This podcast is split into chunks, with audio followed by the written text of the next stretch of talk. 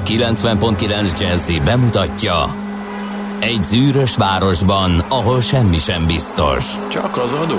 Mondom semmi. Ahol a kisbefektetőket senki sem védi meg a tőzsdei kilengésektől, és a sikátorokban leselkedik a kíméletlen hozamgyilkos.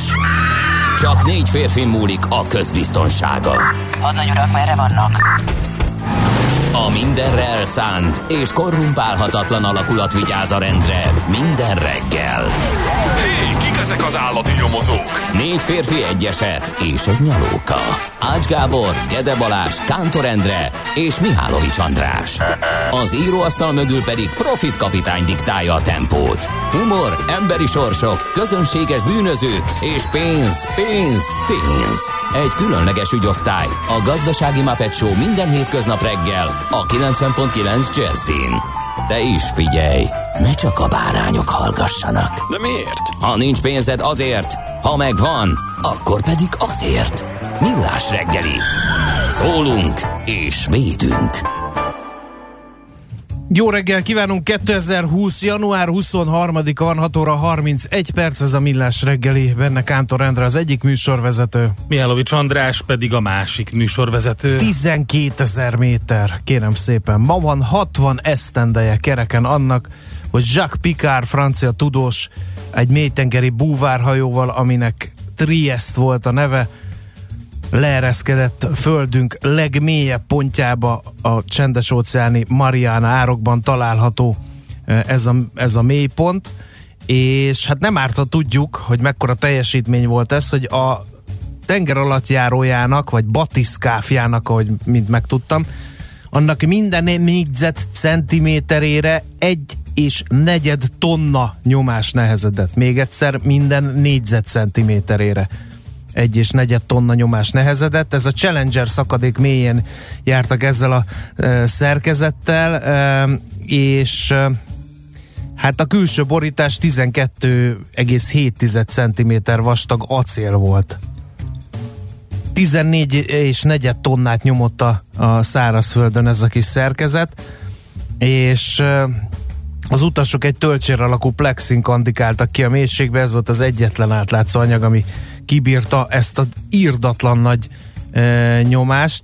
A két tartáját 9 tonnányi mágneses vasgolyóval töltötték fel, hogy ezzel segítsék a süllyedést és az emelkedést, hiszen e, ekkora nyomás alatt nem tudtak volna ballasztot használni és a tartályokat elektromágnesek tartották zárva, hogyha bármilyen áramkörű hiba alakulna ki, akkor azonnal szabadjára engedjék a golyókat, és a Triest visszatérhessen a, a felszínre, és volt még ebben a hajóban érdekességképpen 85 ezer liter gázolaj, de nem üzemanyagként, hanem, hanem azért, hogy növeljék a jármű lebegő képességét, mert a gázolaj nem olyan sűrű, mint a víz, nem annyira összenyomható, így magas nyomás alatt is elősegíti a lebegést.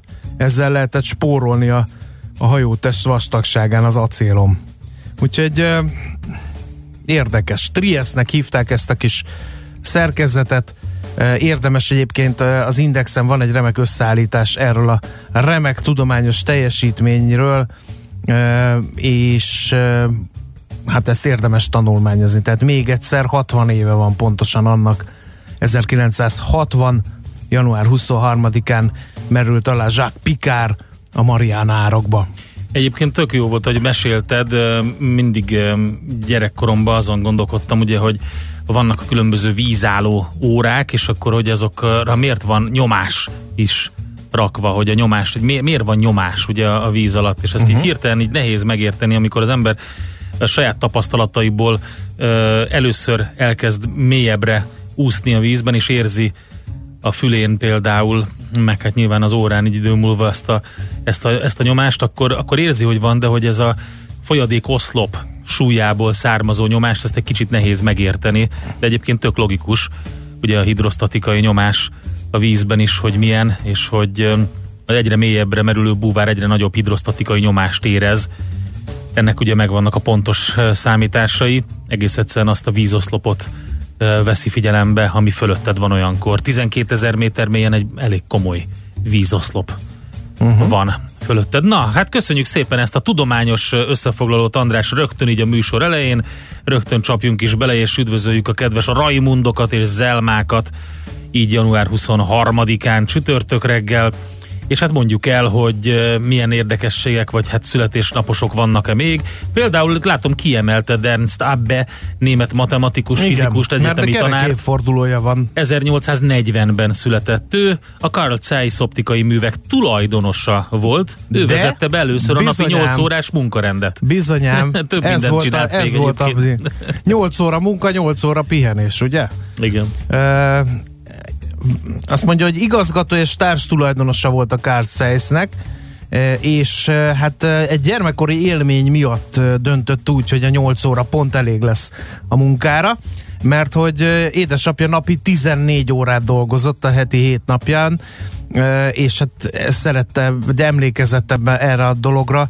Fonómunkás volt az édesapja, és nagy nehézségek árán sikerült eltartani a, a, a családját, annak ellenére, hogy ennyit dolgozott, mint fennmaradt Ernst Abbe gyermekkora nélkülözések között telt, 14-16 órát dolgozott állva az édesapja, mindenfajta szünet és étkezés nélkül, mégis uh, iskoláztatta a gyermekét, ugye így lett aztán Ernst abba, abbe a, a CEISZ műveknek a, a társ tulajdonosa és igazgatója is. Ez a 8 órás munkanap ötlete azért nem volt nagyon népszerű.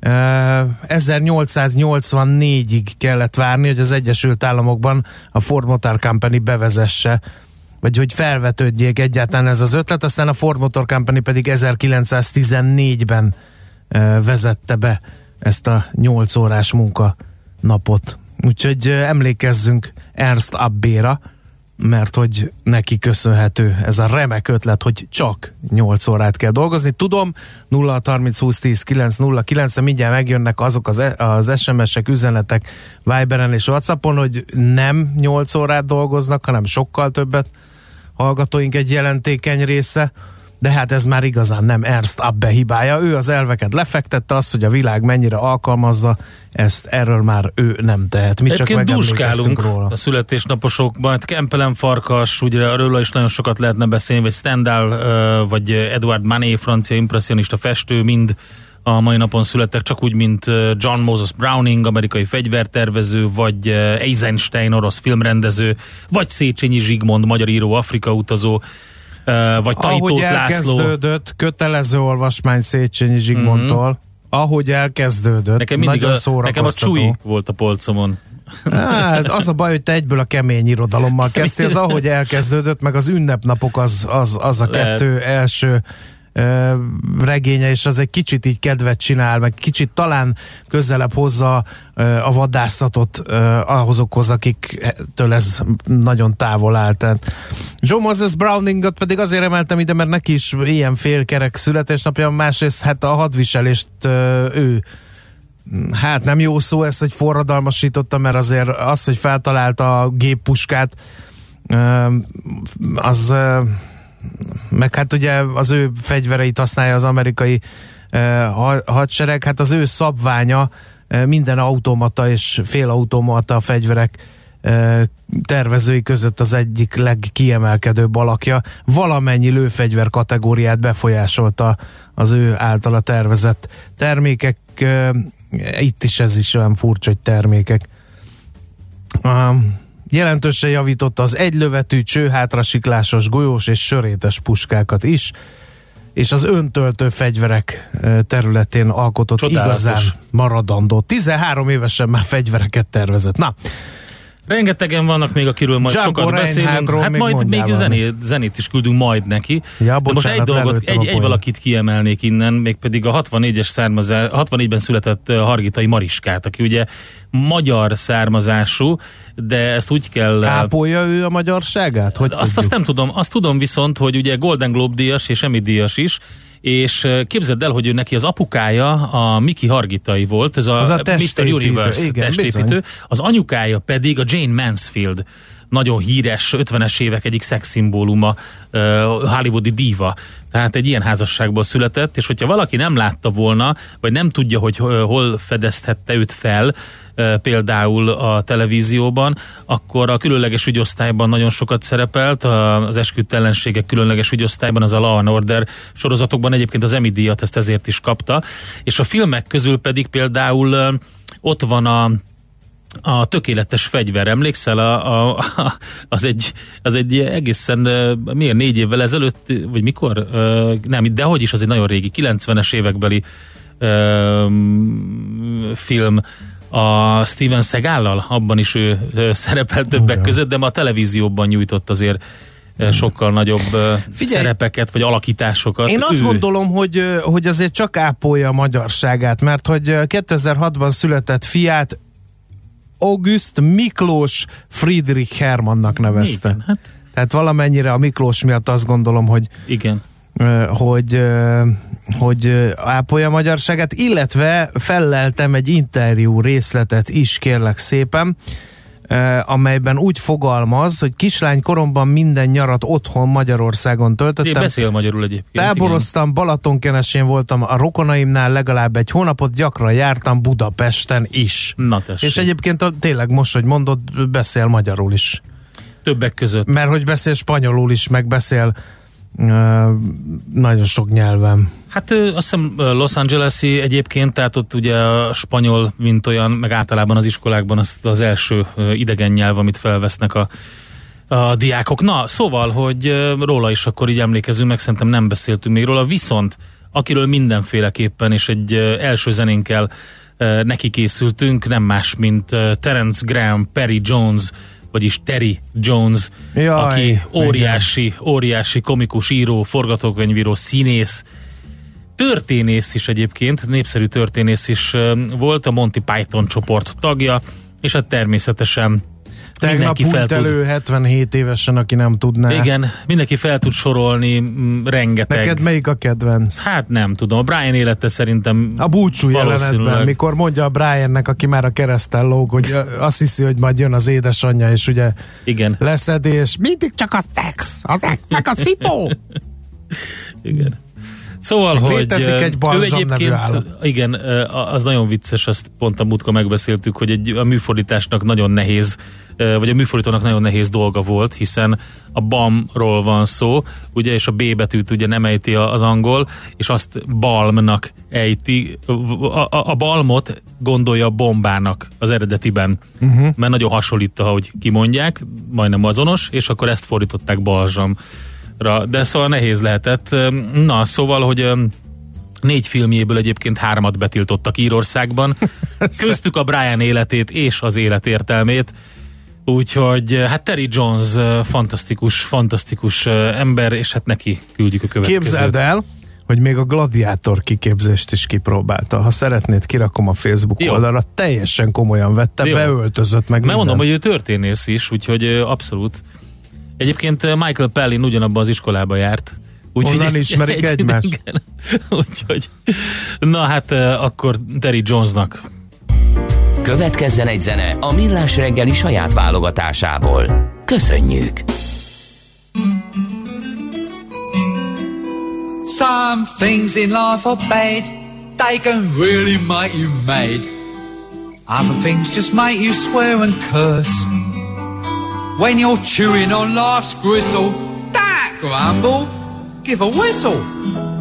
And this'll help things turn out for the best. And always look on the bright side of life. Always look on the light side of life. If life seems jolly rotten, there's something you've forgotten, and that's to laugh and smile and dance and sing.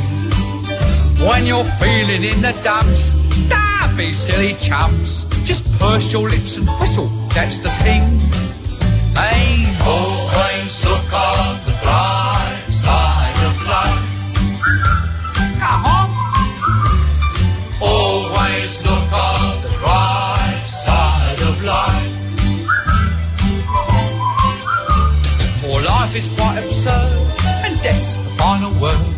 must always face the curtain with a bow. Forget about your scene, give the audience a grin. Enjoy it, it's your last chance anyhow. So always look on the bright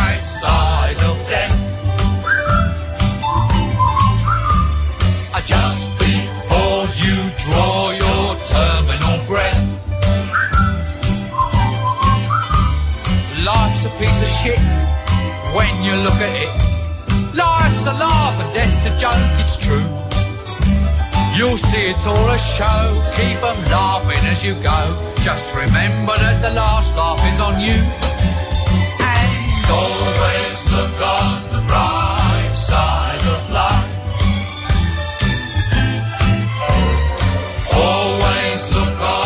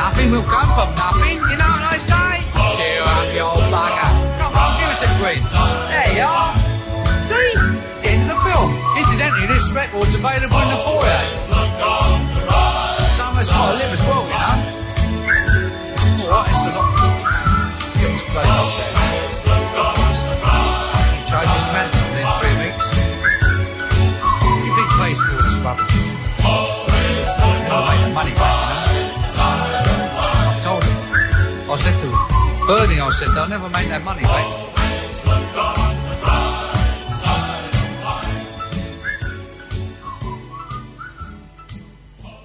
Ezt a zenét a Millás reggeli saját zenei válogatásából játszottuk.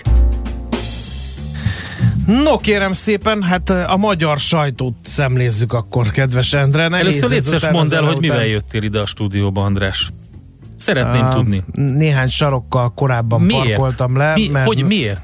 Itt állt a nem kamerás, mert rádió vagyunk, de a különböző Szóltak a mikrofonokkal, szirénák, Endre, puska mikrofonokkal felszerelt stábunk, András, itt állt Igen. az épület. Czoller Andi, kollégina, itt állt a puska mikrofonjával lent. De nem hiszem, hogy ez nem a legfontosabb ügy, Endre, ma a Budapest és a Magyarország életében. Ez érdekli az embereket, András. Reggel 6 óra 47 Endre, perc van. víjognak a szirénák? Mondd meg. Azért kellett nekem most leparkolnom három sarokkal Igen. korábban? Én azt gondolom, András, hogy majd Endre. találkozunk biciklin. Jó? Ide én egy nagy fogyasztású di- benzines autóval érkeztem. Na- Bevallom na őszintén. tessék. Azért, Na tessék, itt van a Azért- Czoller kollégina, mert, látod? mert nagyon nehéz uh, Nagy Kovácsiból idáig elbiciklizni, illetőleg hát Mária Remetéről. A fülesemben most Ezért. azt mondták be, András, hogy elnézést kell kérned.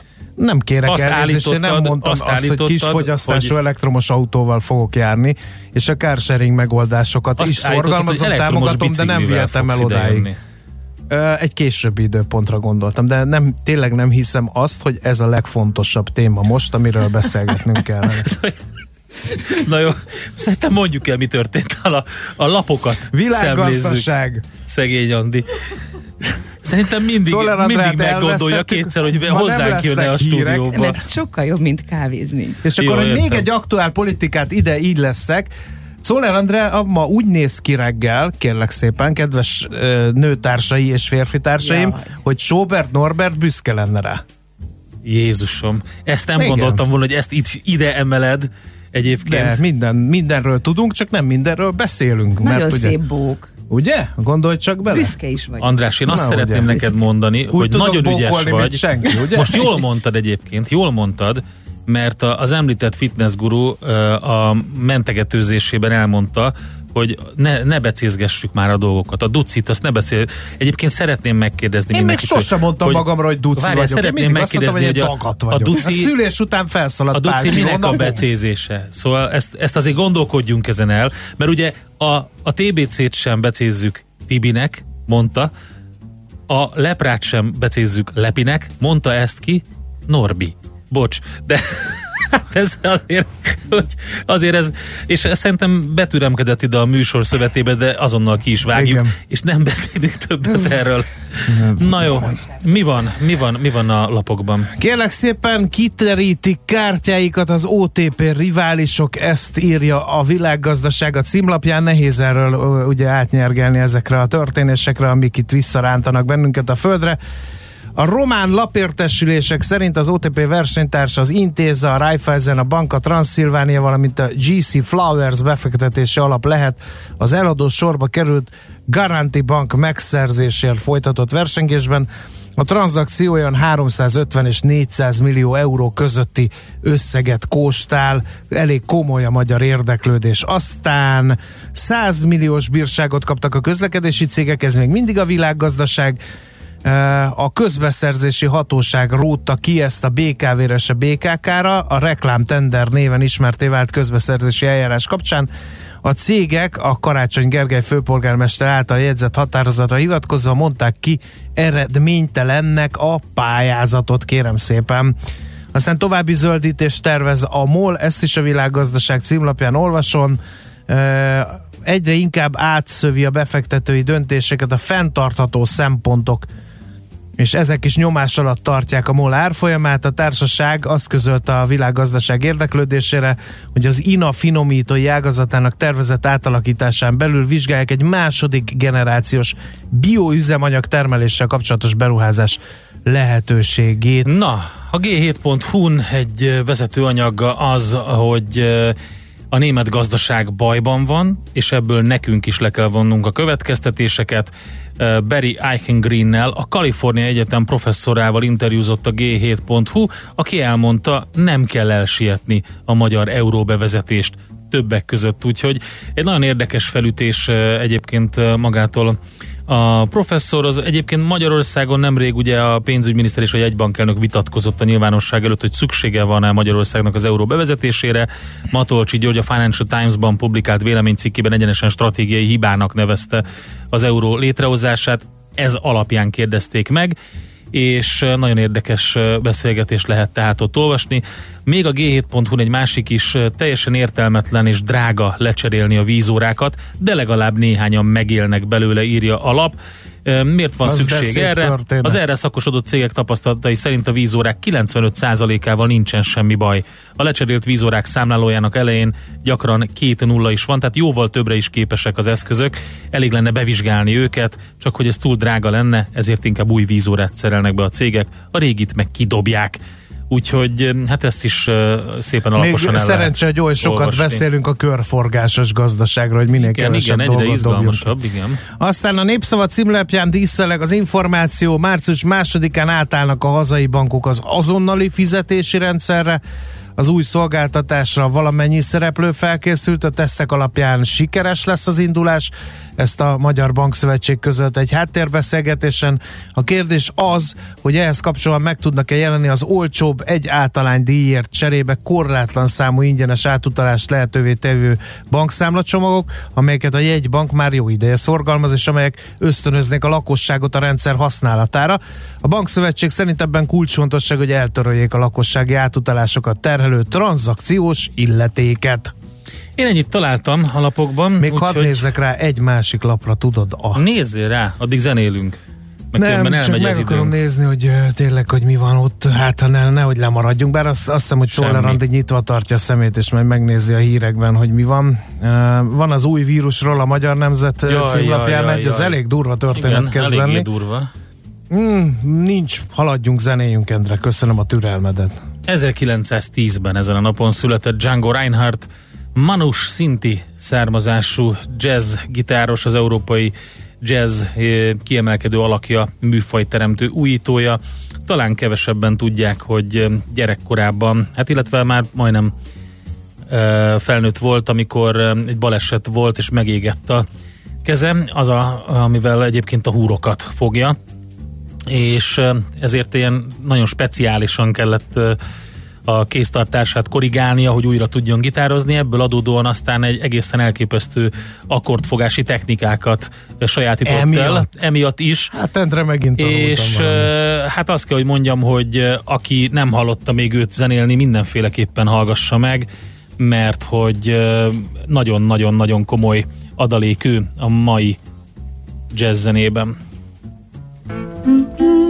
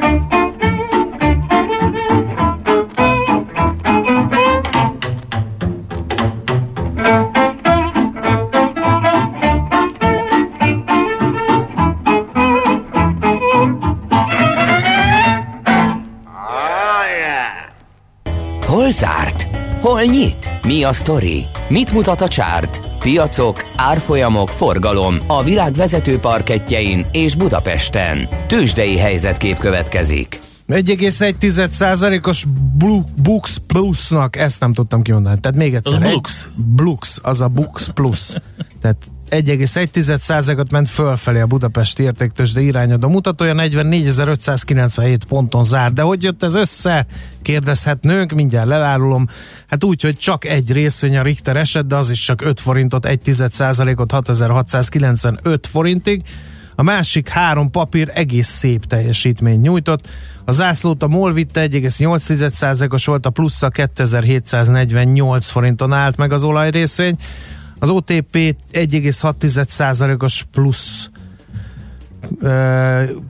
követte, tehát az annyit erősödött, 14.550 forinton fejezte be a tőzsdei kereskedési napot, 7%-ot ment fel a Telekom, és 461 forinton állapodott meg. Nézzük, hogy mik voltak itt a nagy erősödések az alsóházban. 1,2%-os volt a Forage-nak a plusza, de voltak azért bukók is. Itt van például az Opusnak a 2,5 százalékos mínusza, de a Waberers sem örülhet, 1,8 esett az, a részvényének az árfolyama. Mi volt külföldön? Hát külföldön ugye még csak találgattunk itt a hét eleje fele, hogy a Wuhan koronavírusnak köze van-e a brutál mínuszokhoz, amiket láttunk a távol-keleti tőzsdéken, de most már teljesen egyértelmű. Ha megnézzük, a Shanghai Composite egy óra múlva zár 2,6%-os mínuszban tartózkodik, a Hang Seng is 2% fölötti mínuszban zárt, és 1%-os mínuszban zár körülbelül 5 perc múlva a egy perc múlva a Nikkei, úgyhogy egyértelműen mutatkozik a félelem a vírus iránt, és a bizonytalanság a tőzsdéken ott. Európában is mínuszok voltak, fél százalékos FUCI mínusz, 0,3 százalékos DAX és 0,6 százalékos mínusz a francia tőzsdén. Az Egyesült Államokban azért sikerült még tartani a pluszokat, mert hogy a Nasdaq is és az S&P is enyhe pluszban fejezte be a kereskedést, a Dow Jones enyhe mínuszban zárt. A vezető papírok közül az Apple már bőven ugye 300 dollár felett 0,4%-os plusszal, a Citigroup is erősödött, a Google is, a vesztesek pedig a GE és a Microsoft, a GE 2 és fél, a Microsoft pedig fél százalékkal. Az Intel volt még nagy nyertes, 3,6%-os pluszt hozott össze, a negatív oldalon pedig a Netflixet lehet említeni, 3,6%-os minusszal. Tőzsdei helyzetkép hangzott el a Millás reggeliben. Itt van megint Czoller Andi, még nem a híreket mondja. Sokból. Jó, hát egy kicsit vidámabb most már reggel, igen. Na ugye. De mindjárt mondja a híreket is. Tőletek meg közlekedési információkat várunk 06 30 20 10 909 és természetesen folytatjuk a millás reggelit. Sok minden lesz, többek között az, hogy működnek-e a lakástakarékok állami támogatás nélkül, meg ingatlanpiaci rovatunk és heti alapozónk is lesz a következő blogban. Így maradjatok velünk! Műsorunkban termék megjelenítést hallhattak. Hírek a 90.9 Jazzin. Márciusban indul az azonnali banki utalás. Debrecenbe költözik a Természettudományi Múzeum. A brit miniszterelnök szerint az Egyesült Királyság átlépte a Brexit célvonalát. Budapesten most mínusz 5 fok van. Ma sokat süt majd a nap, délután akár 3-7 fokot is mérhetünk. Jó reggelt kívánok, Czoller Andrea vagyok. Márciusban indul az azonnali banki átutalás. A tranzakciós limit 10 millió forint lesz, és a pénz másodpercek alatt ér majd célba, akár hétvégén is. A rendszer kialakítása a bankszektor valaha volt legnagyobb egyszeri beruházása, 30-40 milliárd forintot költöttek rá. A Magyar Bankszövetség elnöke Becsei András elmondta, céljuk, hogy a következő hónapokban kivezetésre kerüljön a lakossági elektronikus pénzforgalom utáni tranzakciós adó. Mindemellett új, az eddigieknél alacsonyabb áron lévő számlacsomagokat is szeretnének bevezetni. Debrecenbe költözik a Természettudományi Múzeum. Az Index információi szerint erről a kormány úgynevezett kettes típusú határozatot hozott, amelyet nem kell megjeleníteni a magyar közlönyben. A határozatban az szerepel, hogy idén év végéig kell kiüríteni a Ludovika épületét, és egy ideiglenes helyre kell költözniük. A lap egyik forrása szerint még viccnek is rossz, ennyi idő arra sem elég, hogy összecsomagoljanak. A múzeumnak 10 éven belül Debrecenbe kell érkeznie. Az Index úgy tudja, hogy már megvan a leendő múzeumnak majd otthont adó telek, de azt először meg kell vásárolnia az államnak a várostól. Egyre több az influenza-szerű megbetegedés az országban. A figyelőszolgálat jelentése alapján végzett becslés szerint az országban január 13-a és 19-e között valamivel több mint 12 ezer, az előző heténél majdnem 30%-kal több beteg fordult orvoshoz influenza-szerű tünetekkel, a laboratóriumi vizsgálatok az esetek döntő többségében az influenza A vírusát mutatták ki. A tájékoztatás szerint péntektől részleges vagy teljes körű látogatási tilalom lép életbe néhány kórházban. A brit miniszterelnök szerint az Egyesült Királyság átlépte a Brexit célvonalát. A parlament elfogadta a brit EU tagság megszűnésének feltételrendszerét rögzítő megállapodás törvénytervezetét, miután a felsőházi tagok lemondtak azokról a módosításokról, amelyekhez korábban ragaszkodtak. Így a parlamenti tárgyalás véget ért, és második Erzsébet királynő formális hozzájárulásával a Brexit megállapodás törvénybeiktatásáról intézkedő jogszabály hamarosan életbe lép. Ezzel véglegessé vált az is, hogy az Egyesült Királyság a Brexit jelenleg érvényes határnapján, vagyis jövő pénteken, brit idő szerint 23 órakor rendezett módon ratifikált megállapodással kilép az Európai Unióból. Tudósok szerint a kígyó lehet az új koronavírus gazda állata, írja a 24.hu. A kígyó azon állatok egyike, amelyeket a közelmúltban bezárt Wuhani tengeri élelmiszerpiacon árultak. A feltételezések szerint ehhez a piachoz köthető a megbetegedések többsége. Hetek alatt világjárvány nőhet ki egyébként a vírus miatt, és a WHO nemzetközi vészhelyzetet hirdethet. A vírus cseppfertőzéssel terjed emberről emberre, és tüdőgyulladáshoz hasonló tüneteket okoz. Tudományos becslések alapján eddig több mint ezer személy fertőződött meg. A vírus már elérte Japánt, Dél-Koreát, Tájföldet, a Fülöp-szigeteket és az Egyesült Államokban, illetve Ausztráliában is van egy beteg, és várhatóan megjelenik Európában is. Elődöntős a magyar férfi vízilabda válogatott a Duna arénában zajló Európa-bajnokságon. Mertz Tamás együttese a szerdai negyeddöntőben 14-10-re győzte le az orosz csapatot. A magyarok a pénteki elődöntőben Montenegróval találkoznak. A hajnali köd és párafoltok mindenhol feloszlanak, és ma már sok napsütésre számíthatunk, csapadék nem várható. A szél mérsékelt marad, délután 3-7 fokot mérhetünk. A hírszerkesztőt Szoller Andrát hallották, friss hírek pedig legközelebb, fél óra múlva. Budapest legfrissebb közlekedési hírei a 90.9 Jazzin a City Taxi Dispécsejétől. Jó reggelt kívánok! Ezen a korai órán jó tempóban haladhatnak a városban. Jelentős torlódás nem nehezíti a közlekedést. Egyelőre a bevezető utaknál is ugyanez a helyzet, és most a köt sem lassítja az autósokat. Baleset viszont történt az Erzsébet királyné útján a Mexikói útnál, és a Gyáli úton befelé a határút után, itt csak egy sáv járható. Tart a félpályás lezárás a 15. kerületben a Szerencs utcában, a Klapka György utcánál, mert javítják a gázvezetéket, így a forgalom egy sávon váltakozva halad. Vezessenek óvatosan, jó utat kívánok Önöknek! A hírek után már is folytatódik a millás reggeli, itt a 90.9 jazz Következő műsorunkban termék megjelenítést hallhatnak.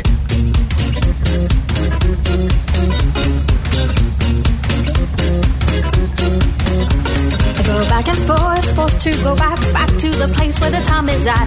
Swinging my hips to the music that sounds worthy of an Alice cat. If past is roll write it down and trespass on those vintage sounds. The future's far, don't take it out.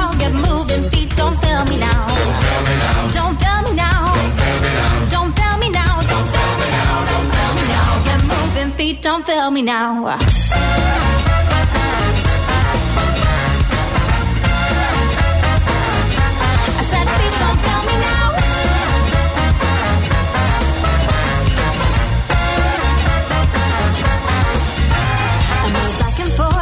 With a grin. Take a look around and the energy in. Say what you want, don't mean a I'm just gonna sing, sing, sing. The gentle that you hear when records.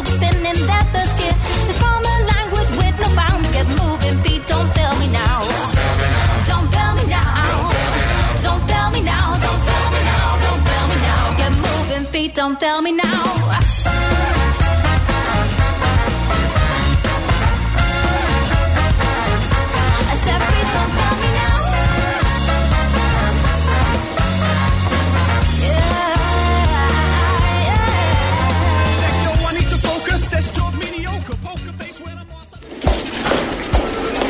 A reggeli rohanásban könnyű szemtől szembe kerülni egy túl szépnek tűnő ajánlattal. Az eredmény krétával körberajzolt tetemes összeg.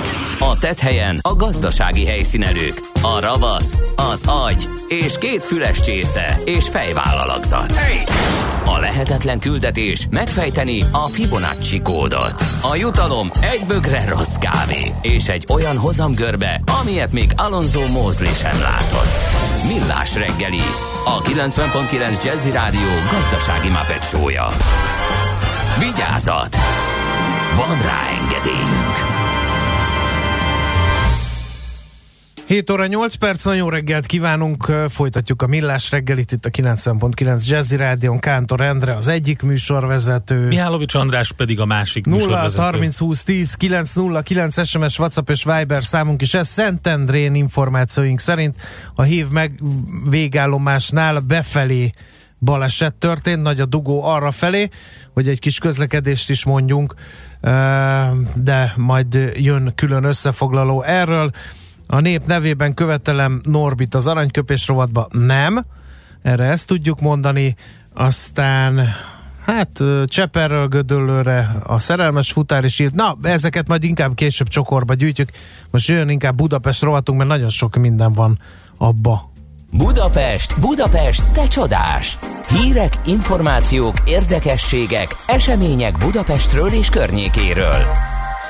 No, hát drága hallgatók, tudjuk-e, hogy a legdrágább magyar városban éldegélünk, ugyanis megjött egy eh, kimutatás, eh, a Numbeo felmérése volt ez, a megélhetési költségek alapján rangsorolta a világ városait. A magyar városok közül Budapest, Debrecen és Szeged fért fel a listára.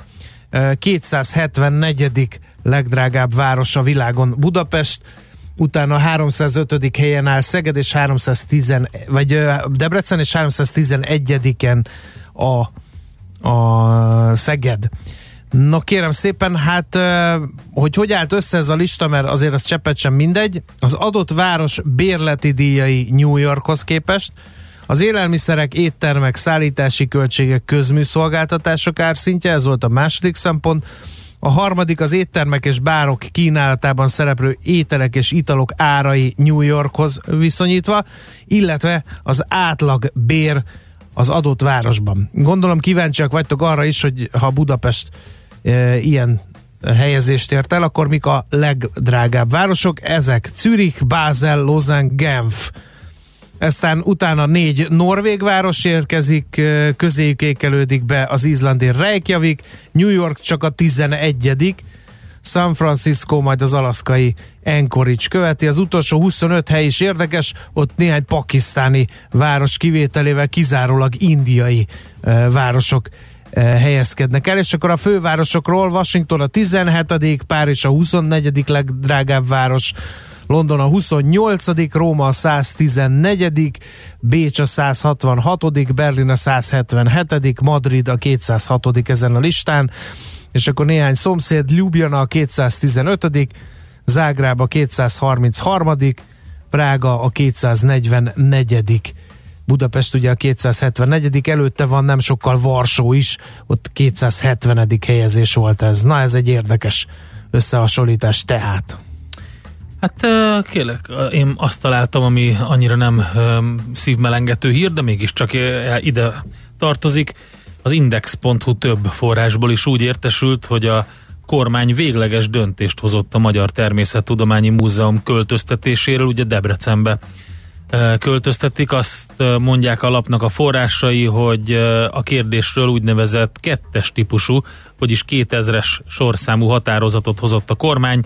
Az, Az mi? ilyet nem kell megjelentetni a magyar közlönyben, így nem kap nagyobb nyilvánosságot.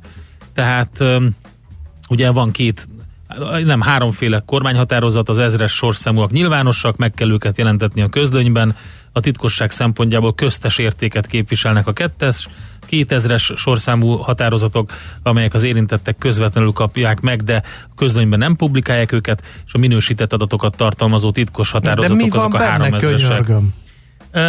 Hát azt mondja az Index, hogy Bernard Zsolt főigazgató egy múlt pénteki értekezleten közölte az alkalmazottakkal, hogy a kormány meghozta a végleges döntést az ügyben, tehát a korábbi előzetes tervekkel ellentétben a költöztetés már eldöntött ténynek tekinthető, és, és hát akkor ezért költözik el a Természettudományi Múzeum. Um, nehéz um, Figyelj, döntés. szerintem ez egy most akkor legyünk végtelenül szubjektívek. Én, én, nekem az egyik kedvenc múzeumom volt a Igen. Természettudományi Múzeum. az, a gyerekeim volt. imádták. Imádják. Nagyon jó, hogy Budapesten volt, és, és hát viszonylag elérhető. Nyilván ritkábban járok Debrecenbe, ezért aztán a Természettudományi Múzeum látogatásaink is meg fognak majd ritkulni. Hát most ezt nagyon szubjektíven, én a másik oldalról nézném meg, volt egy Facebook oldalon publikált belső felmérés, amit a Természettudományi Múzeum Budapesten maradásért létrehozott Facebook oldalon publikáltak. A Mú- múzeum intézményi közalkalmazotti tanácsa készítette ezt az alkalmazottak terveiről a költözést illetően. 0 százalék tartja jó ötletnek a költözést, 87% kilépne az intézményből a költözés pillanatában, 3% részmunkaidőben vállalna ott munkát, 99% szerint szakmai károkat okozna a költözés minden területen, így a muzeológia, uh-huh. a kutatás és a köznevelés területén is.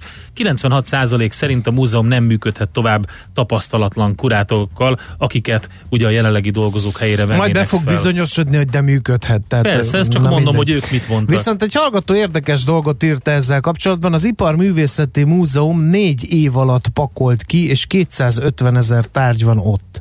Igen. A Néprajzi Múzeum három éve készül a költözése, és kb. két év lesz a csomagolás. A természettudományiban két millió tárgy van, uh-huh. és most tudták meg, hogy az év végéig kellene ugye kiköltözni a jelenlegi épületekből. Igen. Fú. Na mindegy, én egy másik statisztikára cuppantam rá, ez pedig a dugó ranglista kérlek szépen. Itt van egy újabb elemzés erről a kérdésről. Egy átlagos budapesti közlekedő 162 órát töltött forgalmi dugóban 2018-ban. Ezt egy INRIX nevű kutatóintézet mérte fel. Ezzel az adattal Budapest a 30. helyen áll a több mint 200 világváros tartalmazó listán. 2017-hez képest csak, hogy elhiggyétek, 11%-kal nőtt a dugóban eltöltött idő a fővárosban. Úgyhogy hát tényleg a bőrünkön tapasztaljuk azt, hogy lassan megtel a főváros, vagy megtelik a főváros autókkal. Az európai ranglista első helyén a Róma büszkélkedik, az ott közlekedők, csak hogy tudjátok mihez viszonyítani, hogy milyen jó helyzetben vagyunk mi itt a fővárosban közlekedők. 272 órát álltak a dugóban, ez 16 kal magasabb volt mint 2017-ben. Még egyszer, ezek 2018-as adatok. Dublinban 246, Párizsban 237, Londonban 227 óra volt a dugóban eltöltött órák száma. A világranglista élén pedig a kolumbiai Bogota szerepel, ahol egy évből 11 és fél nap volt az, amit dugóban ültek az ott közlekedők. Gratulálok. Még egy évvel korábban Moszkva állt az első helyen, de az orosz város visszacsúszott a tizedik helyre, hogy miért, azt ugye nem citálja, pedig érdekes lehet, hogy az elsőről a tizedikre. Hogy tűntek el a dugók? Tavár és Putyin leszólt, hogy Sztyap! Igen. És ennyi? Nem tudom, hogy úgy mondják-e a baleset, sztój, baleset történt a Népszínház utcában, ezt még ide mondjuk ebbe a rovatba, a 8. kerület Népszínház utcában, az Aurora utcánál, a 28A és a 62-es villamos helyett a Blaha téri eh, metró megálló, és az Orci tér, a 37-es villamos helyett pedig a Blaha tér és a Magdolna utca közötti pótlóbusz közlekedik. Nekünk a Gellért hegy a Himalája. A Millás reggeli fővárossal és környékével foglalkozó robata hangzott el.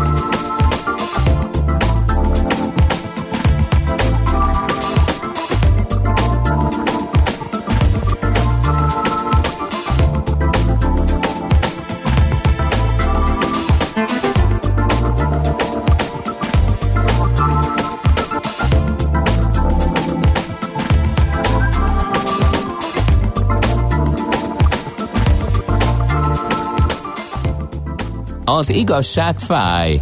Persze nem annyira, mint olyan bicajra pattanni, amelyről hiányzik az ülés. Millás reggeli. No kérem, hát annak idején, amikor a lakás takarék pénztárakról kiderült, hogy megvonják az állami támogatást, mindenki kongatta a vészharangot, hogy ezzel gyakorlatilag, sőt olyan szalagszímek pompáztak az újságok címlapján, hogy beszántja a kormány a lakás takarék pénztári szektort. Hát azóta lecsillapodtak a kedélyek, eltelt némi idő, Nézzük hát meg, mi történt a lakás takarék pénztárokkal. Erről írt egy remek elemzést az Index újságírója Brückner Gergő, őt hívtuk fel. Szerbusz, jó reggelt kívánunk! Jó reggelt, sziasztok! No, hát mi van? Beszántották ezt a szektort, vagy, vagy él és virul esetleg csak bimbózik?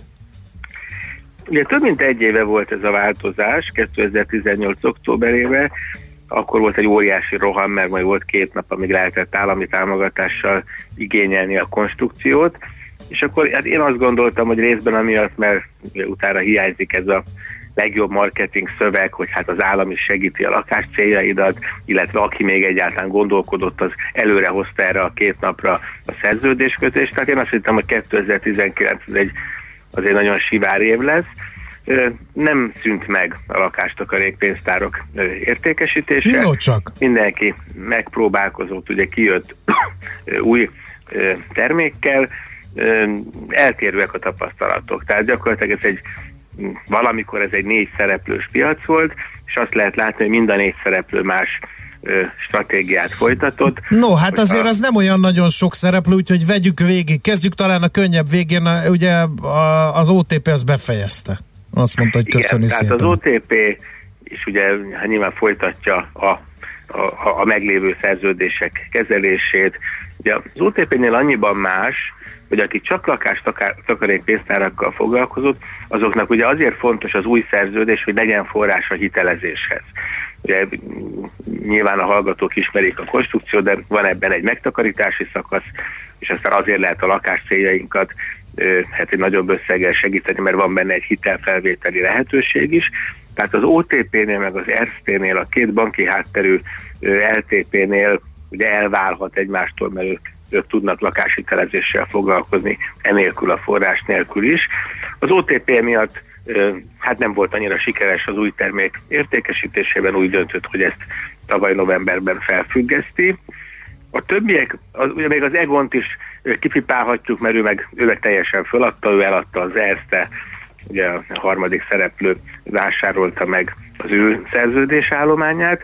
Az Erste ilyen szempontból ugye pozitívan előre menekült, mert, mert még növelte is a piaci részesedését ezzel az átvétellel, és ugye az én cikkemben a, talán a legtöbbet a fundamentával, a piacvezetővel foglalkoztam, de náluk látszott az, hogy új tevékenységekbe kezdtek, kijöttek támogatás nélküli termékkel, és még az értékesítésben is sikeresek voltak. Uh-huh. Oké, okay, mik ezek az új termékek? Hogy lehet állami támogatás nélkül versenyképes? Pont ez volt a vonzereje az egész szektornak. Ezért ment rendesen ez a szektor mert volt hozzá derék állami támogatás, és az alacsony kamat környezetben mi is, mi is gyakran mondtuk, hogy az a, a egyik legjobb befektetés volt. Most hogy lehet ebből a az idilli helyzetből, amit kihúztak a szektor alól, élni egyáltalán, életben maradni? Én azt gondolom, hogy két fontos szempont van. Az egyik az ugye az élethelyzet, tehát én se gondolom, hogy a lakástakarék pénztárak mondjuk a megtakarítási ágon versenyképesek, például a szuperállampapírral, ugye közel 5%-os kockázatmentes hozam 5 évre, de, de nem mindenkinek van 3, 4, 5, 6 millió forintja, amit így tud fialtatni, van, akinek jövedelme van, megtakarítása még nincs, viszont be tud kezdeni valamilyen rendszeres megtakarítási programba, és tudja, hogy mindenképpen lesz valamilyen lakás jellegű célja. Nekik jó lehet egy nagyon kiszámítható program, ahol ugye hónapról hónapra egy meghatározott menetrend szerint kiszámítható kamattal félre tudok tenni. Ez a része ez most nem olyan vonzó, hogy nincs benne az állami támogatás, viszont cserébe jár egy szintén kiszámítható hitel, tehát egyszerűen szerintem itt a fő előnye kiszámíthatóság, tehát van egy konkrét lakás célom, legyen az felújítás, vásárlás, akár hitelkiváltás, és, és egyszerűen belőhető a következő évekre, hogy havonta mennyit kell félretennem ahhoz, hogy, hogy ezt a lakás célomat ö, teljesítsem. De ez az egyik. Szerintem fontos szempont egyébként az is, hogy sokan megszokták ezt a terméket, kalkuláltak vele, és ö, nagyon vonzó valóban, meg egy nagyon jó szlogen az, hogy az állam is ö, támogat. Valójában azért ez a támogatás ez nem akkora súlyú a, a, a programban, tehát ugye egyrészt olyan szempontból limitált, hogy megvan az, hogy megvolt az, hogy egy évben mennyi támogatást lehetett kapni az államtól, és ahogy nőtt az embereknek a megtakarítási állománya ebben a rendszerben, úgy arányaiban az a maximum évi 72 ezer forint már eleve egy kisebb százalékos segítség volt. Nem akarom elhanyagolni, mert nyilván nagyon sokan ezzel adták el, de hát anélkül is azért lehet valakinek vonzó a, a, a termék. És én még egy elemet kiemelnék, uh-huh. hogy ugye nagyon nagy értékesítési hálózata van a fundamentának, és abból a több ezer emberből nyilván a legsikeresebbek, akik a legjobban éltek meg ebből, azok maradtak meg a rendszerben itt a támogatás nélküli világban. Szerintem az is egy fontos elem, hogy, hogy ezek az ügynökök, vagy ezek a hálózati értékesítők, ezek hát milyen szöveggel, vagy mennyire jó rábeszélőkével tudnak eladni akár Apropó. olyan helyeken is terméket, ahova nem jutnak el a, a nagy hálózatok. Apropó hálózati értékesítők, ugye mivel hogy dübörgött a szektor az állami támogatással együtt, elég nagy ügynöki hálózatuk volt ezeknek a lakástakarékpénztárakkal, velük mi lett, már mint az ügynökökkel? Ugye azt hiszem, hogy körülbelül 3000 ember volt a legnagyobb hálózatban a fundamentájában, csak ez különböző kategóriákra oszlott. Tehát ugye van olyan, aki munka után, szabad idejében, ismerősi körben, jövedelem kiegészítésként eladott néha egy-egy LTP-t, van, aki pedig hát ebben a hierarchiában magasabban, professzionálisan, nagy jövedelmet szerezve, nagy tapasztalattal dolgozott, én szerintem nagyon ö, ö, tehát nagyon megcsappant a létszám, ugye erről egészen uh-huh. konkrét szám nincsen, de mondjuk ha én tippelnék, azt mondanám, hogy akár meg is feleződött. Viszont ugye inkább azok maradtak a rendszerben, akik hatékonyan értékesítenek, és ami a Fundamenta esetében segített megtartani a, a hálózat tagjait, egyrészt az, hogy nagyon hamar kialakították a támogatás nélküli terméket, tehát nem volt az, hogy hogy ne lett volna feladata, szétszélet volna ez a társaság. Még a másik az, hogy ők mindenféle egyébben is elkezdtek foglalkozni. Például egyébként értékesítik a, a, ezt a bizonyos emlegetett MÁP Plus vagy szuperállampapírt is a, a, a hálózatok tagjai, illetve belevágtak például ingatlan közvetítésbe is. Uh-huh. Tehát ugye az volt a logika, hogyha ők mondjuk egy évben tízezer ingatlan tranzakcióban vannak ott azáltal, hogy részt vesznek a finanszírozásban, akkor ugye miért ne tudnának abba is bekapcsolódni, hogy segítség megtalálni a, a, a vevőknek a, a, uh-huh. a portékát, tehát a Figyelj, Gergő, nagyon megy az időnk, egy kérdés a hitellel mi van? Ugye ez is egy nagyon fontos eh, terméke volt a lakástakarék pénztáraknak, hogy előtakarékoskodtál és cserébe kedvezményes hitelt kaptál, de hát olyan alacsony a kamat környezet, hogy, hogy piaci alapon is egész olcsón lehet hitelt felvenni, tehát mintha ez is sújtaná az életben maradt lakástakarékpénztárakat. Teljesen egyetértek, tehát valóban piaci alapon a mai lakáshitelekkel összehasonlítva nem olyan szexik a LTP-knek a lakáshitel konstrukcióik. Itt megint az lehet a pozitívum, hogy ez viszont nagyon kiszámítható, tehát ha ma belevágsz a a teljes programba, akkor látod azt, hogy milyen THM-mel, milyen, nem tudom, egyéb segítségekkel, mondjuk a megtakarítási ágon ilyen bónusz kamattal tudod az egész programot végigvinni. És hát valójában a maival összehasonlítva mondjuk a két-három évvel későbbi hitelkamat az nem feltétlenül vonzó, viszont biztos. Tehát én azt látom, hogy a Fundamenta nagyon nagy szereplő maradt a, a hitelezési piacon. Hát ugye az OTP-nél meg az Erste-nél, akik még a piacon vannak, annyiban más a helyzet, hogy hát ezek a ezek a bankok a lakáshitel portékák összes fajtáját ugye kínálják, tehát ők amúgy is ott vannak a piacon. Uh-huh.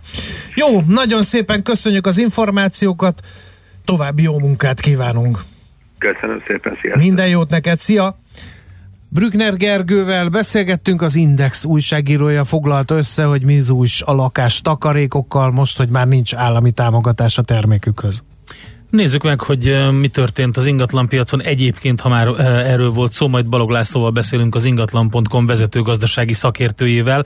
10%-os drágulással nyitotta az évet az albérlet piac, stagnálást lehet a folytatás. Egy picit blikfangos a cím, mert ez egy éves drágulási ütemet mutat, de mindenképpen megbeszéljük akkor ezt, illetve azt is megnézzük heti alapozó rovatunkban, hogy vételi pánik van az amerikai piacon, mi történik a Teslával, az Apple-el, a Microsoft-tal és társaikkal.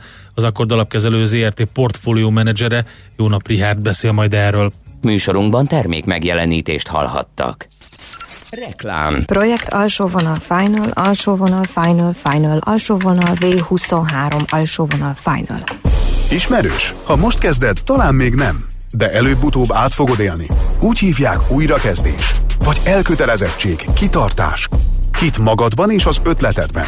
Mindenki másképp nevezi, de egy biztos, nagyszerű dolgokhoz vezet. Ha téged sem hagy nyugodni egy ötlet, jelentkezz az MVM Edison Startup versenyre 2020. február 29-ig. Mi támogatunk, mentorálunk és mindent megadunk ahhoz, hogy sikerre vitt ötleted. MVM Edison. Reklámot hallottak. Rövid hírek a 90.9 Jazzin. 115 millió forintos bírságot szabott ki a BKV-ra és a BKK-ra a közbeszerzési döntőbizottság. A cégeknek a fővárosi közösségi közlekedési eszközök és köztéri reklámhelyek reklám célú hasznosításával kapcsolatos törvénysértés miatt kell fizetniük. A nettó 5,7 milliárd forint értékű beszerzés ügyében az eljárást a BKK és a BKV indította 2016-ban. A szerződés időtartama 48 hónap lett volna, az ellenzéki többségű fővárosi közgyűlés azonban tavaly novemberben úgy döntött, hogy a fővárosi önkormányzat kizárólagos tulajdonában álló gazdasági társaságok ne kössenek egy évnél hosszabb időre szóló, a tulajdonokban, használatokban vagy vagyonkezelésükben lévő reklámfelületek hasznosítására irányuló szerződéseket, és emiatt a beszerzési eljárást eredménytelenné nyilvánították. Lezárták a tüdőgyulladást okozó új koronavírus járvány kiinduló pontjának számító Wuhan tömegközlekedési hálózatát. A hatóságok egyben felszólították a lakosokat, hogy ne hagyják el a várost. A busz, a metró, komp és a távolsági személyszállítást végző hálózatokat reggel 10 órakor leállítják, a város repülőterén és a vasútállomásokon sem indulnak járatok. Immár 473-ra nőtt az új koronavírussal fertőzöttek száma Kínában, ahol a járvány már az ország 13 régióját elérte, a halottak száma pedig 17-re emelkedett. Rómában is testhőmérsékletet mérő kapukkal ellenőrzik az utasokat. Az érkezőknek kérdőívet is ki kell tölteniük, többek között olaszországi tartózkodási helyük feltüntetésével. Több amerikai nagyvárosban is egészségügyi ellenőrzést tartanak a reptereken. Donald Trump súlyos vámok kivetésével fenyegette meg az Európai Uniót, abban az esetben, ha nem sikerül átfogó kereskedelmi megállapodást kötni, és az európai országok nem hagynak fel a leginkább az amerikai óriás vállalatokat érintő adó bevezetésével, életbe lépnek a vámok. Az amerikai elnök a Davoszi világgazdasági fórumon már tárgyalt az Európai Bizottság elnökével egy kétoldalú kereskedelmi megállapodásról. Most viszont kijelentette, nem lesz könnyű megállapodásra jutni, ugyanis Brüsszel azt akarja elérni, hogy az agrárágazatot hagyják ki belőle, míg Washington a közbeszerzések piacát tartaná zárva. A magyar férfi kézilabda válogatott 34-26-ra kikapott tegnap Portugáliától az Európa bajnokság középdöntőjének utolsó fordulójában, így nem jutott tovább csoportjából, de az olimpiai kvótaszerzésre még van elméleti esélye. A magyarok csak akkor vehetnek részt az áprilisi olimpiai selejtező tornák egyikén, ha a hetedik helyen zárják a kontinens viadalt és Szlovénia aranyérmes lesz. A hajnali köd és párafoltok mindenütt feloszlanak, és ma mások napsütésre számíthatunk, csapadék nem várható. A szél mérsékelt marad, délután 3-7 fokot mérhetünk. A hírszerkesztőt Czoller Andrát hallották, friss hírek pedig legközelebb, fél óra múlva. Budapest legfrissebb közlekedési hírei, itt a 90.9 jazz jó reggelt kívánok! A fővárosban véget ért a helyszínelés a Népszínház utcában, az Aurora utcánál, így a 28, a, a 37-es és a 62-es villamos is újra a teljes vonalon közlekedik. Baleset lassítja viszont a haladást a Hűvösvölgyi úton, a Hidegkúti útnál, ahol mindkét irányban korlátozásra kell számítani. Lelassult a haladás a Budai alsórakparton és a Petőfi hídnál észak felé, illetve a Margit híd közelében déli irányban, a Pesti alsórakparton szintén a Margit hídtól a Lánchídig erős erős a forgalom a Clark Ádám tér és a Szélkálmán tér környékén is. Torlódásra számíthatnak a Hungária körúton, szakaszonként mindkét irányban, a Kerepesi úton befelé az Őrs vezérterénél, a Róbert Károly körúton az Árpád híd felé, a Váci út újpesti szakaszán pedig a Fóti úttól befelé. Lépésben járható a Budakeszi út a Szilágyi Erzsébet fasor előtt, a 10-es főút Solymártól az Ürömi körforgalomig, a Bécsi út a folytatásban szakaszonként út szintén, a 11-es főút befelé pedig a Pünköstfürdő utca előtt. Zsúfolt az M1-es M7-es közös bevezető szakasza az Egér úttól és tovább a Budaörsi út is, illetve nehezen járható az Egér út út szintén a Péterhegyi út előtt, az M3-as autópálya bevezető szakasza az M0-ástól a Szerencs utcáig, illetve az M5-ös szintén befelé a Szentlőrinci úti felüljárótól. Varga Etele, BKK Info. A hírek után már is folytatódik a millás reggeli, itt a 90.9 jazz Következő műsorunkban termék megjelenítést hallhatnak.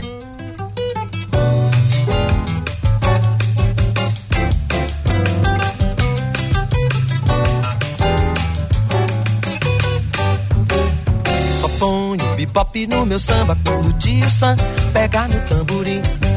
Quando ele pegar no pandeiro no zabumba. Quando ele entender que o samba não é rumba, aí eu vou misturar Miami com Copacabana. Chiclete eu misturo com banana. E o meu samba vai ficar assim. Batoqueiro, raro, baco, tiga, papá. Beiro, beiro, beiro, bam, bam. Beiro, beiro, beiro, bam, bida. Quero ver a grande confusão. Bamanama,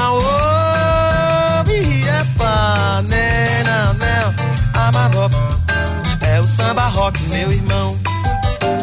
Mas em compensação, quero ver o bugue-ugue de pandeiro e violão. Quero ver o tio Sam de frigideira numa batucada brasileira. Quero ver o tio Sam de frigideira numa batucada brasileira.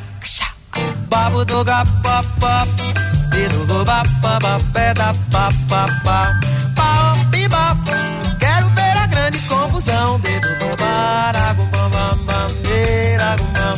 e agumama, beira, gumam, e agome, mama. É o samba rock, meu irmão.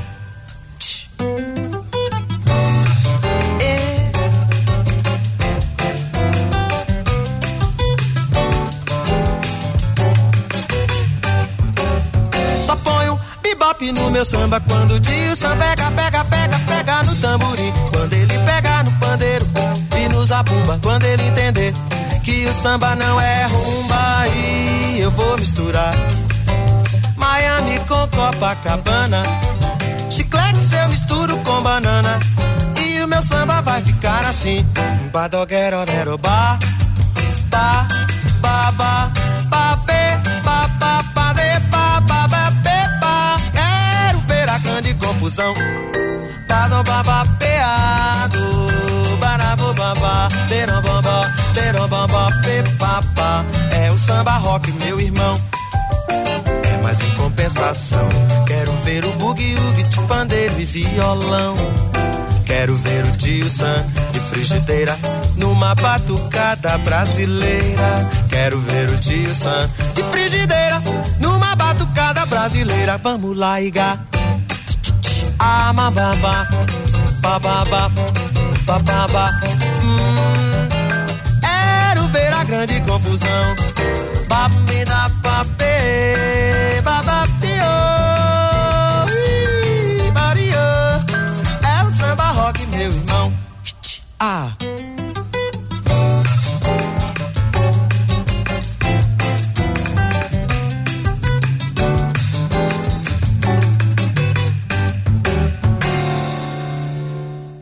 Érdekel az ingatlan piac?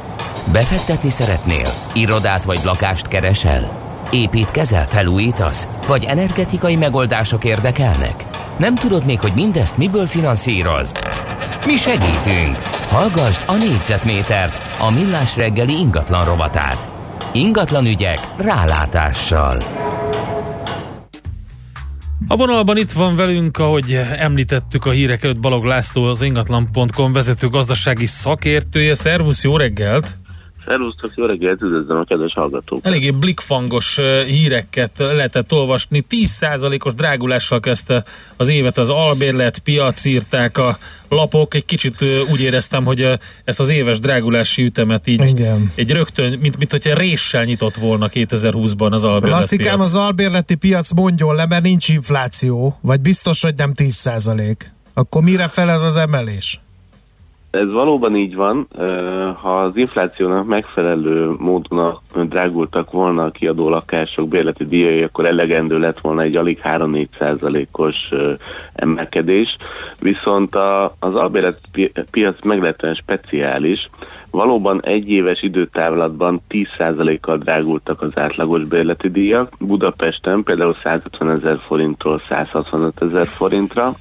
Viszont az is látszik, hogy az, az tavalyi év második fél, fele óta tartó változás a lakáspiacon a kiadó lakások áraira is hatással van, hiszen az elmúlt fél évben leginkább a befektetők voltak azok, akik eltünedeztek részben a, a vevők közül, és ennek van egy olyan hatása, hogy már nem nőnek olyan nagy ütemben a kiadó lakásoknak a számai, és mivel a bérszínvonal pedig tovább nő a munkaerőhiány következtében, ezért a tulajdonosok valamely, valamennyire többet tudnak elkérni egy-egy kiadó lakásért, hiszen ha nőnek a fizetések, akkor a bérből és fizetésből élő dolgozók is végül is egyre többet tudnak megfizetni egy olyan hiánycikkért, amint most jelenleg a nagyvárosokban található albérletek jelentik. Uh-huh. Érdekes. Nézzünk meg kicsit nagyobb távlatra, hogy oké, okay, hogy a tavalyi emelkedés az ennek volt köszönhető, meg az évelei emelkedése, vagy legalábbis a tendencia ennek köszönhető, de mit lehet elmondani ö, nagyobb, hosszabb távlatban? Az Eurostatnak volt egy kimutatása, a legutóbbi uh, lakásárindex kapcsán publikálták ezt, hogy a 2007-es uh, bérleti díj színvonalal hasonlították össze a 2019 harmadik évi árakat, és a bérleti díjak tekintetében az elmúlt 12 évben mintegy 60%-os áremelkedés volt megfigyelhető a hazai albérletpiacon, ezzel nem meglepő módon Európában dobogós helyet, dobogós helyet ért.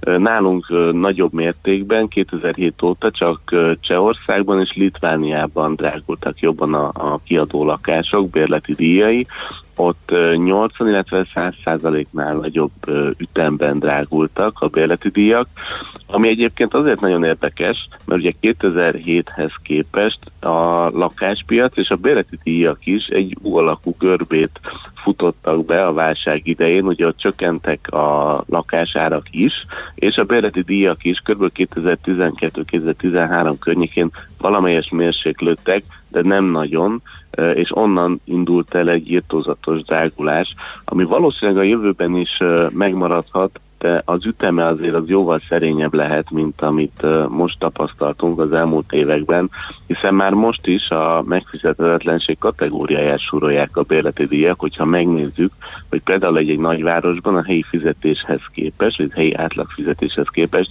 mennyit kell fizetni egy átlagos bérleti díjra, akkor ez több mint 50%-ot tesz ki, és ehhez még hozzájönnek az olyan járulékos költségek, mint a rezsiköltség, közös költség, stb., ami gyakorlatilag azt feltételezi, hogy egy, egy átlag fizetésből egy átlagos bé, albéletet már szinte lehetetlen fenntartani. Oké, okay, um, nézzük akkor azt, hogy mit, oké, okay, egy, ha területi eloszlást nézzünk, akkor nyilvánvalóan a megyeszékhelyek az, ahol, ahol és Budapest nyilván, ahol a drágulás a legnagyobb ütemű. Ez nem változott, is gondolom. Nagyon, máshol nem is nagyon beszélhetünk Ja, ja. értelmezhető uh-huh. albérletpiacról, uh, hiszen azért a magyar lakosság 85%-a a saját tulajdonban uh, lévő ingatlanban Mhm. uh-huh. lakik, és uh, az is látszik, hogy Budapest a legnagyobb piac, és még Budapesten belül is óriási különbségek vannak. A legdrágábbak a belső budai kerületek, és az 5.-6. kerület, itt uh, több mint 200 ezer forint, vagy a körüli a bérleti díjak átlagos mértéke, az 5., 6., 12. első-második kerületben. A legolcsóbb pedig a 20, 21 és 16. kerület, itt ö, 130, illetve 125 ezer forint az átlagos bérleti díj, tehát még városon belül is majdnem, hogy dupla akkor a különbség a, a, a kiadó lakások bérleti díja között, és uh, országos szinten pedig van egy ilyen kelet-nyugati eloszlás, uh, Kelet-Magyarországon találhatóak a Kelet-Magyarország na- nagyvárosokban a, szinte a legolcsóbb bérleti díjak, 70-80 ezer forinttal, és az ország nyugati felében, tehát a nagyvárosok Székesfehérvár, Veszprém, ahol gyakorlatilag 110-120 ezer forint az átlagos havi bérleti díj. Hát ö, merre tovább? Ez a nagy kérdés, ö, mert most ez így oké, hogy a a kiadók vagy a, az ingatlan tulajdonosok emeltek egy nagyot az év elején, ö, de mi a szokás? Évközben szoktak erre ráemelni, vagy megvárják 2021 januárját? Mm, mi nem is látjuk feltétlenül ezt a nagy ö, mm, emelést évelején, bár az tény és való, hogy az elmúlt év második felében nem változtak olyan nagy mértékben a bérleti díjak, és ha az elmúlt fél éves árváltozást nézzük, akkor ez a, a 10%-os éves drágulás helyett inkább egy alig néhány százalékos áremelkedésről beszélhetünk az elmúlt fél évben, tehát látszik, hogy csökkenő ütemű a drágulás. Ráadásul egyébként az albérletpiacnak van egy nagyon komoly puffer szerepe is a lakáspiacon, hiszen pont a befektetők voltak azok, akik ugye eltünedeztek az év második, tavaly év második felében, főleg ugye a prémium álma kötvénynek köszönhetően, ami a lakáskiadásból származó hozammal hasonló eh, megtérülés biztosít, viszont hogyha emelkednek a bérleti díjak, és ugye a lakásárak drágulása megállt, akkor uh, újra vonzó terep lehet az ingatlan befektetés, amennyiben mondjuk a kereslet visszaesés miatt stagnálnának a lakásárak, vagy az esetben elkezdenek csökkenni. Tehát szerintem uh, pont a bérleti piac lesz az, ami miatt a lakásárak sem fognak csökkenni hosszú távon, hiszen hogyha elkezdenek csökkenni az eladó ingatlanoknak az árai, akkor a befektetők újra megjelennének és lecsapnának a kínálkozó lehetőségekre, hiszen a bérleti díjak hosszú távon emelkednek, és az, az látszik, hogy a nagyvárosokban ez mindig hiánycikknek számítanak, hiszen óriási a kereset a kiadó lakások iránt.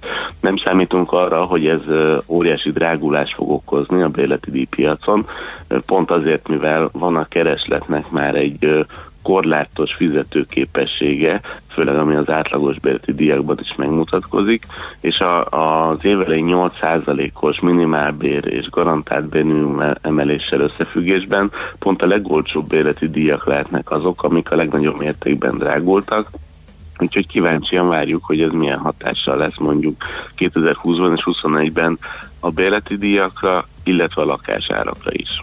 Oké, okay, nagyon szépen köszönjük ezt az elemzést, meg hogy milyen trend következik, egy kis előre tekintést, jó munkát nektek, szép napot! Köszönöm szépen, nektek is szép napot kívánok!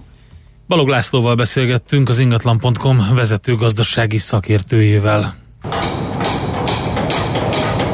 Négyzetméter ingatlan ügyek rálátással.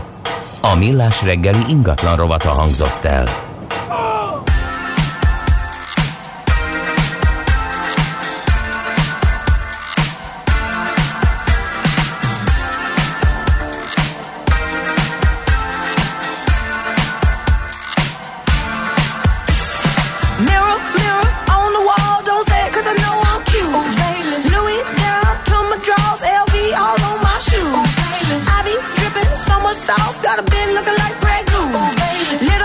A crystal ball, that's cool, baby. So is you, that's how I roll. If I'm shining, everybody gonna shine.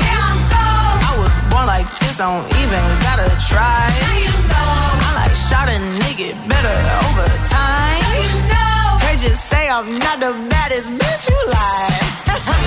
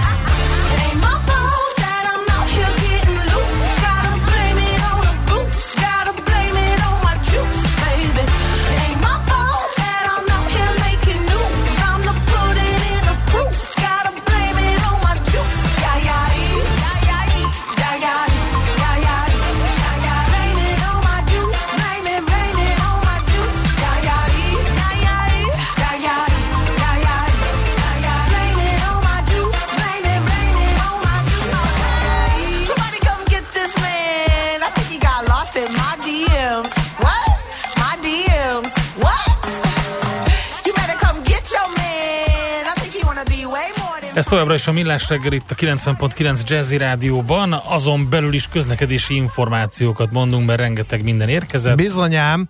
A Hungárián a Népligeti buszpályaudvarnál az Árpád híd felé a vízművek ásott egy lyukat. Most még nem gond írja Gergő.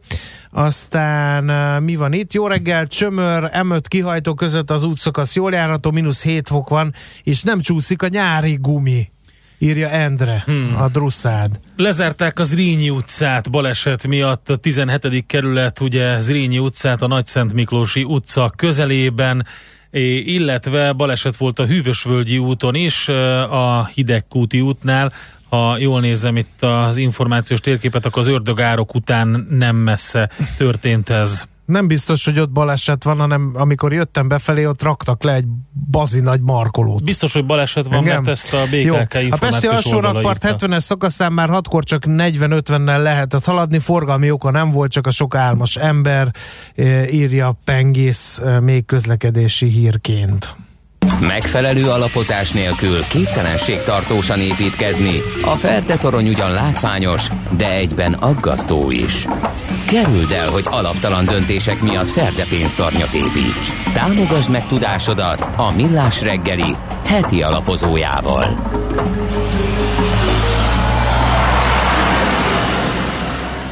Na és hát nézzük meg azt, hogy mennyire komoly ez a vételi pánik az amerikai piacokon. Itt van velünk a vonalban Jóna Prihárd, az Akkord alapkezelő ZRT portfólió menedzsere. Jó reggelt kívánunk, szervusz! Jó reggelt kívánok nektek is, és minden hallgatónak! Ugye azt látjuk, hogy az ázsiai piacokat már keményen megütötte a Wuhan koronavírus okozta pánik, Amerikában viszont hát egyre, egyre másra csak csúcsokra mennek az indexek, és azt lehet látni, hogy egészen szépen muzsikálnak pár, ugye 23 napos összevetésben, eddigi éves teljesítményben a vezető amerikai mutatók, tegnap se volt ez más, hogy egy picit a Dow visszacsúszott, de hát az lényegében egy enyhe korrekció volt csak. E, tulajdonképpen október eleje óta tart egy olyan emelkedő szakasz, amiben már szinte teljesen eltűntek a korrekciók. Egyetlen egyszer esett három napig egymás után a piac, de nem volt egy pillanat se, hogy kettő érdemi esőnap egymás után bekövetkezett volna az amerikai index, indexekben. Mindeközben csak ez alatt az időszak alatt a világ legértékesebb cége az Apple 45%-ot emelkedett. Nem volt még 13 hónapja, amikor tavaly januárban az Apple egy profit warningot adott ki, vagyis ilyen árbevételi figyelmeztetést, 144 dollár volt akkor az árfolyama a papírnak, jelen pillanatban tegnap a 320-at tesztelgette, 120%-os emelkedés a világ legértékesebb cégétől. Egy begyorsuló emelkedést látunk, ami ahhoz hasonlítható, mint amit a Nasdaq-en láttunk 1999 végén és 2000 elején, uh-huh. pontosan 20 évvel ezelőtt a technológiai buborékkor, illetve hasonlítható még a Shanghai piac 2007-es, 2015-ös mozgására. Ez egy klasszikus vételi pánik. A klasszikus vételi pániknak az a magyarázata, hogy tulajdonképpen a 2009 óta tartó 11 éves bika piacot folyamatosan lehetett tagadni. Folyamatosan voltak okok, amik miatt a befektetők egy jelentékeny része kimaradt ebből az emelkedésből és a legutolsó szakasza ennek az emelkedésnek az Trump megválasztásával következett be. Azóta az S&P 500 index 55%-ot, a Nasdaq 100 index 90%-ot emelkedett, és technikai jellegű a dolog, ami tavaly október közepén eljött a piacokra, hogy új csúcsra mentek ki, és ezen az új csúcson hirtelen a sentiment, a befektetői viselkedés elkezdett megváltozni. Az eddigi pessimizmus napról napra vált át egyre optimistább hangulatba. Természetesen most nem lehet megmondani ennek a hétnek az eseményét, ennek a koronavírusnak a lefutását, hogy mi lesz. Ez most egy rossz hír, nagyon kíváncsian várom én is, hogy mit tud reagálni Figyelj, erre az amerikai piac. Figyelj, azt azért a kevésbé fülőek szempontjából azt azért magyaráz meg, hogy a koronavírusnak mi köze mondjuk az Apple, vagy a Microsoft, vagy a, a többi amerikai cég ö, teljesítményéhez? Ez rövid távon van köze természetesen, uh-huh. befektetői pozicionáltságból fakadóan van köze, egészen egyszerűen a vételi pánik abból alakul ki, hogy teljesen eltűntek az eladók az amerikai piacról. Aki szeretett volna, az körülbelül tavaly októberig eladott, és utána kialakult egy olyan helyzet, jellemzően a vállalatok saját részvényvásárlásokkal szívták ki a, a piaci kínálatot, és jelen pillanatban egy olyan kitörés, korrekció nélküli kitörés következett be, főleg ha valaki az Apple csártyát megnézi, hogy 230-ról, ami eddig az élete csúcsa volt, 320-ig ténylegesen korrekció nélkül vándorolt föl a papír. Uh-huh. Feszített szintek alakultak ki, még mindig nem láttunk benne eladókat, és az eladók esetleg megjelenhetnek arra, hogy na akkor itt az ideje profitot realizálni, ha ilyen a helyzet, akkor elkezdem eladni a Aha. részvényeimet. Értem. É, mi van a fák nem nőnek az égig elvel? Ezt most így arcul csapta ez a folyamat, amiről beszélünk? Ezt még jelen pillanatban nem látni. Uh-huh. Véleményem szerint klasszikusan egy vételi pánikot jó hírek zárnak le. Olyan jó hírek zárnak le, amik már megmutatják azt, hogy mindenki átkerült a vételi oldalra, amikor már mindenki, aki korábban tagadta ezt az emelkedést, lemaradt, ne adj Isten, megsortolta a piacot, kizárta ezeket a pozíciókat, megvásárolta a részvényeket, és egy olyan jó hír tudja nagyon-nagyon sokszor lezárni ezt a fajta emelkedést, amire mindenki azt várná, hogy hirtelen még tovább emelkedik a piac, de már nem tud új vevő megjelenni. Tehát ilyen szempontból egy kicsit zavaró a, a, a piac jelenlegi helyzetének az olvasására ez a fajta rossz hír, ami most sajnos Kínából érkezik. Uh-huh. Jó, uh, ezt gondolom ember meg nem tudja mondani, hogy a korrekció mekkora lesz, mert ugye egy egészséges korrekció, már ha ezt lehet, ezt a folyamatot, hogy esnek az árak egészségesnek nevezni, a piac szempontjából mindenképp az lehet, vagy, vagy benne van a kalapban egy ugyanilyen pánikszerű és földcsúszamlásszerű esés is, mint amilyen az emelkedés volt. Tehát ugyanolyan váratlan a mértéke is, meg a mélysége is ha úgynevezett egészséges korrekcióra ö, kerülne sor, akkor pontosan az 50 napos mozgó átlagig kellene lejönni az S&P 500 indexnek, ami a jelenlegi szintekről egy 4-4,5 százalékos korrekciót jelentene. Ez lehetne még egészséges korrekciónak nevezni. Minden ennél hevesebb reakció az tulajdonképpen már egy eladási pánikot idézhet elő. Uh-huh. Nem beszélve arról, hogy rengeteg az amerikai piacon a algoritmikus momentum és ö, hasonló ilyen kvantitatív stratégiákat folytató szereplő, akik nagyon gyakran szintek által ö, jönnek be venni vagy eladni, és hogyha ez a bűvös 50 napos mozgóátlag elesne esetleg heves forgalommal, az további eladókat uh-huh. tudna hozni a piacon. Uh-huh. Uh, mit lehet ilyenkor tanácsolni az egyszeri befektetőnek, aki örvendezik, mert hát szemlátomást mégiscsak az égig nőnek a fák, hogy előszedjem ezt a már említett klisémet.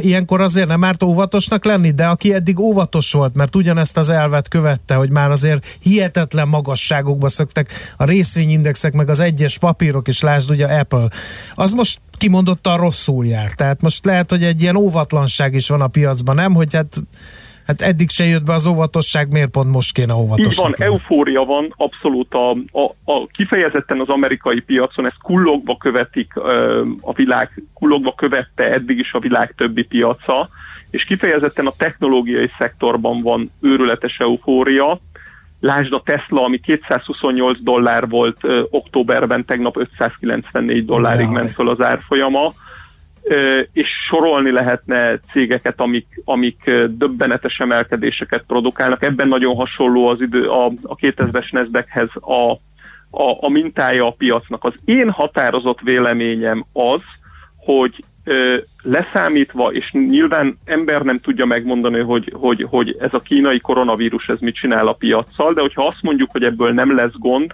akkor szerintem még mehetnek tovább a piacok, viszont én 6-12 héten belül egy nagyon-nagyon heves korrekcióra számítok. Tehát minél följebb megy ez a piac, annál durvább büntetést fog lefelé rámérni a befektetőkre, hiszen euh, tulajdonképpen az a fajta erő szűnik meg a piacon, ami jelen volt éveken át, hogy mindig voltak korrekciók, és a korrekciókban a lemaradók tudtak azért vásárolni. Jelen pillanatban október közepe óta semmilyen korrekció nincs a piacon, ezért folyamatosan kínozva a lemaradókat és a sortolókat csak feljebb és feljebb és egyre-egyre rosszabb árszinteken tudtak vásárolni a befektetők. Magyarán szólva elfogy az a fajta támasza a piacnak ilyenkor, aki korrekcióban megjönne vásárolni. Pontosan ezeket a jelenségeket láttuk egyébként 2018. januárjában és 2018. októberében, hogy ugyanígy elfogytak a korrekcióban esetleg vásárló befektetők, és nagyon hevesen, pár nap alatt nagyon gyorsan 10 plusz százalékos esés érkezett a piacra. Nagyon szépen köszönjük, nagyon tanulságos, nagyon elgondolkodtató elemzés volt. Jó sikereket, vagy munkasikereket kívánunk, és további jó kereskedést, aztán majd megint tárcsázunk, ha beüt valami, akár fölfelé, akár lefelé. Köszönöm, én is szép napot kívánok mindenkinek. Jó nap, Rihárdal az Akkord alapkezelő ZRT portfólió menedzserével beszéltünk arról, hogy a fák mégis az égig nőnének. Heti alapozó rovatunk hangzott el a Millás reggeliben, hogy döntéseinket megfelelő alapokra tudjuk helyezni. Mihálovics Superlativus András a stúdióban. Ez az új gladiátor neved, ezt fogom mondani. Nem tudom, a többiek mit szólnak hozzá. Endre, szólnak itt van már a Czoller Andi, szirénák, vajon? tessék, itt van Czoller Andi, a elmondja. szuperlatívusz? Igen. Hát azért ez erős Hol túlzás, de... parkoltál? Ne próbálj meg ezzel visszavágni. Más tollával ékeskedni. Vagy biciklivel? Más tollával ékeskedni. Nem, van itt már valaki, akit majd megkérdezzünk, hogy hol parkolt meg. mivel biztos nem a biciklivel jött. stúdióba. Várkonyi Gábor rakták ki a autós kollégái, rovata. mert nem volt Igen, hely itt a igen. stúdió előtt. Igen, igen. Na, Czoller Andi, a lányos alkatú Czoller Andi fog híreket mondani. A sejmes bőrű?